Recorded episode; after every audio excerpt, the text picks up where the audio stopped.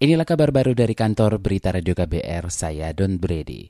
Saudara epidemiolog Universitas Indonesia Pandu Riono meragukan rencana pemerintah untuk imunisasi COVID-19 pada November mendatang.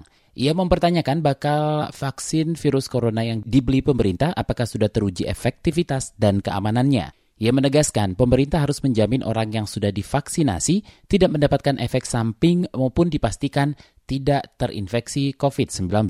Seharusnya bukan berdasarkan keputusan politik saja, tapi juga harus direview terbuka oleh semua ahli di dunia. Kenanya hal Indonesia, ini aja juga penetapan vaksin ini, penetapan vaksin itu. Saya meragukan bahwa itu mendengarkan atau dibicarakan terbuka di kalangan ahli kesehatan di Indonesia. Ya kan? Mungkin saja dibicarakan, tapi dibicarakan tertutup. Ini menjadi masalah besar. Epidemiolog Universitas Indonesia Pandu Riono menambahkan sebelum memvaksin masyarakat, pemerintah harus melalui surveillance, lacak, isolasi, testing. Ia menilai pemerintah telah melompati tahapan penanganan COVID ini. Sebelumnya, pemerintah menyatakan Indonesia bakal mengantongi 200 jutaan dosis vaksin COVID-19 dari para produsen vaksin. Sementara itu, vaksin COVID-19 buatan Tiongkok sudah bisa dipesan secara daring oleh warga Wuhan dan Beijing. Dilansir dari antara para pelajar dari dua kota itu yang hendak melanjutkan studi ke luar negeri mendapatkan prioritas memperoleh vaksin buatan perusahaan farmasi milik BUMN Tiongkok. Selain pelajar, para pekerja yang hendak bepergian ke luar negeri dan pekerja berisiko tinggi juga menjadi prioritas.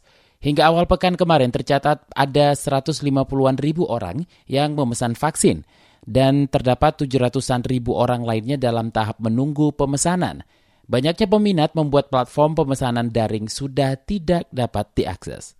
Saudara Polri menyatakan tengah menangani 28 perkara dugaan tindak pidana pemilu pada Pilkada 2020. Juru bicara Mabes Polri Awi Setiono menyebut dari jumlah kasus tersebut, 14 di antaranya masih dalam tahap penyidikan awal.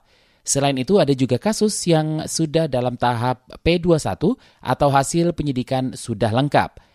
Awi mengungkapkan pelanggaran yang terbanyak ditemukan berkaitan dengan dugaan tindakan menguntungkan atau merugikan salah satu paslon.